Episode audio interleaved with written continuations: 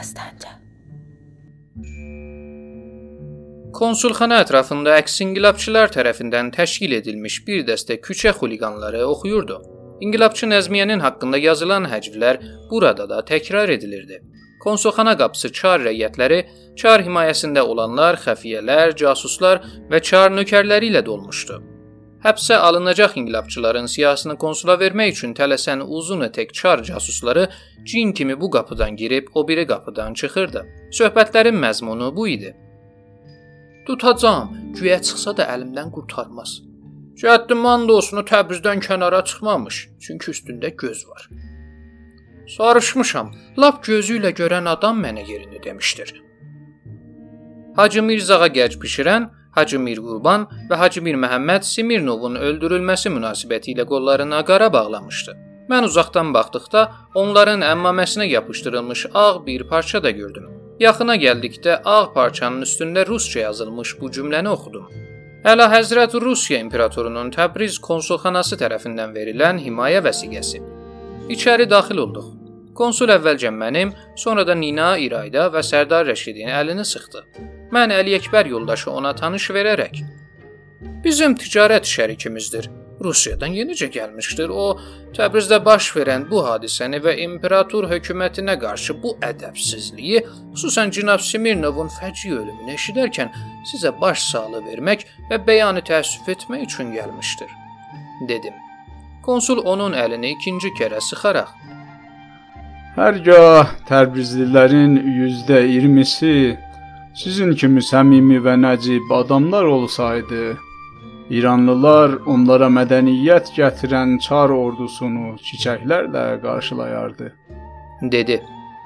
Boş kürsülərdə oturduqda konsul Sərdar Rəşidə yanaşaraq dedi: Ağa Mir Qurbanın verdiyi məlumata görə mərhum Aleksandrın başını cəvahir satan Hacı Nağı kəsib aparmışdır həbs olunması üçün Qazax dəstəsi göndərmişəm. Biz ordaykən konsula yenə də raport gətirdilər. Raportda Sadiqül Mülk, Ağa Məhəmməd Qafqazlı və sairələrinin həbs olunduğu xəbəri verilirdi. Konsul yeni həbslərlə əlaqədar olaraq öz katibinə müraciət edərək söylədi: "Səmədxana telefonla xəbər verin. Asılacaq olanlar üçün təcili hökm göndərsin. Bunları saxlamağa vaxtımız yoxdur." Konsul bununla da zahirdə İranın daxili işlərinə müdaxilə etmədiyini göstərməyə çalışırdı. O bütün təqsirli bildiyi adamların edamını Səmədxana tapşırır və təcili surətdə icrasını tələb eləyirdi. Zaten Səmədxan elə bunun üçün də Nemətabaddan gətirilmişdi. Biz burada eşitdiyimizə görə Səmədxan Siqqətül İslamı və onunla bərabər həbs edilənlərin asılması hökmünü imza etmişdi. Əli Əkbər yenə də bir ah çəkərək Ah İran, ah sənin casusunda, cəlladında özünsən. Bütün xəlqini dar ağacından asaraq özün də altında oturub özünə ağlamalısan. Sən özün özünü məhv edirsən, dedi. Dastanca. Bir saat orada oturduq. 20-yə qədər siyahı gətirdilər. Onların hər birisində 40-50 nəfər adamın adı var idi. Konsul onları bir-bir alıb öz katibinə verir və hər birisi haqqında bir cürə sərəncamda bulunurdu. Telefonla dar ağaclarının hazır olduğunu konsula xəbər verdilər. Konsul uca boylu, arıq, boynu uzun, üzünün damarları qurumuş bir rus zabitinə yanaşaraq yavaşcadan nə isə dedi. Nina mənə dönərək: Bu hərbi səhra məhkəməsinin sədridir. İnqilabçıları asmaq üçün Tiflisdən gəlmişdir. dedi. Bu sözdən sonra mən onun üzünə baxa bilmədim. İnqilabçıların qatilini görmək əzabların ən şiddətlisidir, dedim. Cəvahir satan Hacı Nəqini gətirdilər. O titrəyirdi. Özünü tamamilə itirmişdi. Ondan kötəyi əsirgəməmişdilər. Baş gözündə sağ yeri yox idi. Sərdar Rəşid ona qışqırdı. Məlun, sən nə cürətlə cənab İsmail öldürdün? Hacı Nəqi titrədi. And olsun getdiyim Beytullahə. Mən heç kəsi öldürməmişəm. O bizim qapının qabağında yıxılmışdı. Çıplaq idi. Heç zadı yox idi. Siz bilirsiniz ki, mən nə bomba ataram, nə də güllə atmağı bilirəm. Əlimdən heç bir şey gəlməz. Mən fağır, aciz tacirin birisiyəm. İndiyə kimi bir xoruz başı da kəsməmişəm. Pəs onun başını nə üçün kəsdin? Vələd özünə. Bu nə rüsvayçılıqdır? Mən kəsmədim. Getdiyim 14 məsum haqqı kəsmədim. Başına dönüm kəsmədim axı. Kim kəsdi? Nə üçün gizlədirsən axı? Hambala bitmən verdim. Kəsib saldı torbaya, verdi məni. O sənin nəyinə lazım idi? Mənim qardaşım Hac Təğini Rus sərbazları tutub təxsissiz yerə öldürmüşdü. Mən həmin başı kəsdirib onun uşaqlarını apardım. Onlara dedim ki, bu sizin atanızın qatilinin başıdır. Sonra başa hara atdın? Dəvəçi məhəlləsində Üçgülər bazarçasında hamamın tulambarçasına vermişəm. İnanmırsınız çağırıb soruşa da bilərsiniz. Bu söz üzərinə həm konsul, həm də Sərdar Rəşid təəssüf edici bir surətdə Yəqin ki mərhumun başını yandırmışlar. Dedilər. Konsul dərhal tulambarçının gətirilməsinə əmr verdi. Hacı Nəqini isə Şazda bağındakı qoşun qərargahına göndərdilər. Hacı Səməd xanı Nemətabaddan Təbrizə gətirmək üçün göndərilmiş heyətin sədri Etimadüddövlənin gəldiyini konsula xəbər verdilər. Etimadüddövlə içəri girdi. Olduqca yaltaq bir surətdə konsula yanaşdı və əlini döşünə qoyaraq əyilməyə adət etmiş başını əydi və Hacı Səməd xan Şücaətdövlədən konsula gətirdiyi məktubu iki əli üstə təqdim elədi. Məktub farsça yazılmışdı. Oxumaq və konsula tərcümə etmək üçün konsulxana mütərcimlərindən Mirzəli Əkbərxana verildi. Cənab general, Etimadüddövlə iltifatgərayənə bir surətdə yazılmış məktubunuzu verməklə bərabər haqqındakı dostane düşüncələriniz barəsində şəfaən söylədi. İmperator hökumətinin bu həqirə həvalə etdiyi böyük vəzifə mənim və mənim qohumlarımın hamısını sərəfraz buyurdu. İmperator hökumətinə nisbət səmimi bir xidmət göstərmək arzusu çoxdan bəri bəslədiyim bir arzudur. Bu gün mən cənab generalın məktubunu aldıqda həmin arzulara nail olduğumu təyin etdim və şadlandım. Allah şahiddir ki, bu həyasızların imperator hökumətinə nisbət göstərdikləri nankorluq və icra etdikləri ədəbsizlik mənim əsəblərimi həddindən artıq pozmuşdur. Özümü xeyli fəna hiss edirəm. Buna baxmayaraq, imperator hökumətinin təklif buyurduğu Azərbaycan valiliyi vəzifəsini böyük məmnuniyyət və fövqəladə bir şadlıqla qəbul edirəm. Hazırda öz əsəblərimi sakit etmək üçün Nemətabadda İmam Hüseyn təziyəsi ilə məşğulam. İnşallah Təbriz şəhərinə Mühərrəmül Hərəmin 14-ündə daxil olub işimə başlayacağam. Bu müddət içərisində hökumət işlərini Nemətabadda idarə etməyə icazə verməyinizi rica edirəm.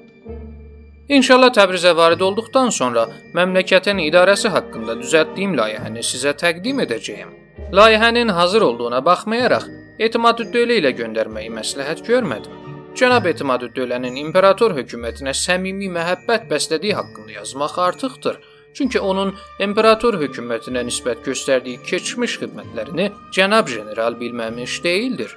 Cənab general, həyat baqi olursa, Etimadüddövlə kimi yüzlərcə imperator nökərlərinin mövcud olduğu haqqında qənaət hasil buyuracaqsınız. Çıxarılan qərarların imza olunmaq üçün Nemətabad göndərilməsini rica edirəm. Nemətabad Məhərrəmül Həramın 7-si Səmədxan. Məktub oxunub qurtardı. Konsul katibə müraciətlə Nemətabadla konsulxana arasındakı telefon xəttinə diqqət verilməsini tapşırdı. Səmədxan qəsdən Təbrizə hərəkət etməsini təxirə salır, bu gün və sabah dara çəkiləcək inqilab rəhbərlərinin işində iştirak etmədiyini xalqa göstərmək üçün özünü kənara çəkmək istəyir və məsuliyyətdən qurtarmağa çalışırdı. Lakin onun edam cəzası hökmünə imza atdığını bilməyən yox idi. Tulambarçını gətirdilər. Onu qazaqlar lazımi qədər döymüşdü. Gözünün yanları göyərmiş və sulu qabar bağlamışdı. Burnunun qanı döşünə axırdı. Konsul qazaq zabitinə müraciətlə Bunu nə üçün döydünüz? dedikdə zabit ehtiram vəziyyətini alaraq təzim etdi. Hişmətli cənab, siz döyməmək barəsində əmr etməmişdiniz. Buna görə biz bunu da ümumun cərgəsinə daxil etdik. Tulambarçı cibindəki kirli dəsmalını çıxarıb əli ilə başında saxlamışdı. Çünki tüfəng qondağı ilə parçalanan başından qan axırdı. O ayaq üstündə dura bilmirdi. Onsuz da yaşlı və zəif bir kişi idi. Onun əynindəki bütün əlbisə 40 qəpiyə dəyməzdi. Ona oturmaq icazəsi verdilər. O gözünü gəzdirib oturanlara baxdı. Sərdar Rəşidin İranlı olduğunu bilərək ona dedi: Ay ağa, mən fəqir adamam. Təqsirim nədir? Hacı Nəqi bir rus başını gətirib verdi ki, bunu at tulanbarda yansın. Mən də sözündən çıxmadım. Mən nə biləydim başıma bu qəza gələcək. Sərdar Rəşid ona təcili sual verdi. Sən başı yandırdınmı? Xeyr, yandırmadım. Öz özümə dedim ki, rus olanda nə olar? Mən Allah deyiləm ki, insan odda yandıram. Qoy o dünyada Allah Taala özünü içə bilir eləsin. Bəs sən başı hara atdın? Axı mən başını yatıram. Dəfn elədim. Tulanbarçının sözlərini konsula tərcümə etdilər. Konsul çox razı qaldı. Himayə vəsiqəsi verildi. Yaralarına müalicə üçün əskəri xəstəxananın həkiminə göndərildi. Tulanbarçı biraz özünə gələrək konsula Sərdar Rəşidə dua etməyə başladı. Ona iki qazaq qoşaraq başın dalınca göndərdilər. Konsul bu dəfə qazaqlara tapşırdı ki, onu döyməsinlər. Ondan sonra Hacı Nəqi haqqında qərar çıxarılmağa başlandı. Burada Sərdar Rəşid özünün Hacı Nəqi ilə olan əlaqəsini və ona olan borclarını, İraydə ilə evlənərkən Hacının qiymətli daşlar hədiyyə verdiyini unutmayaraq onu ölümdən qurtardı. Konsul onun fikrini soruşarkən o Bu cür müqəssirlər Təbrizdə on minlərcədir. Zənn edirəm ki, imperator hökuməti öz müqəddəs və mədəni əlini hər bu cür sunun qanına boyamaz. Ancaq müqəssiri də cəzasız buraxmaq olmaz. Mən məsləhət görürəm ki, onun bütün əmlakı və ev şeyləri müsadirə olunsun və evi də dinamitlə dağıdılsın. Öz də hələlik həbsdə qalsın. Bu barədə sonra düşünərik. dedi. Bu təklifə oradakıların hamısı şərik oldu. Fikrin icra edilməsi üçün Qazax zabitinə əmr verildi. Smirnovun başını gətirdilər. Onu meyidin olduğu tabuta qoyub apardılar. Tabutun Rusiyaya göndərilməsi qərarı çıxarıldıqdan sonra biz konsula ikinci kərə bəyanı təsliyyət edərək ayrıldıq.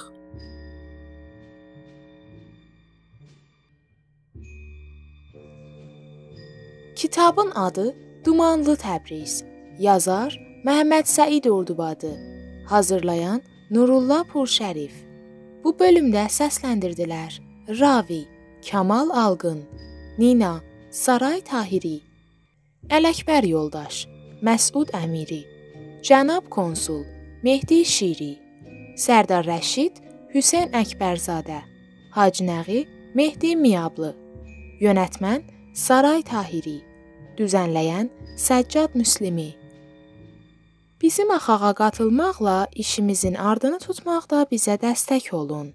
Axağımızın adresi Dastanca. D A S T A N C A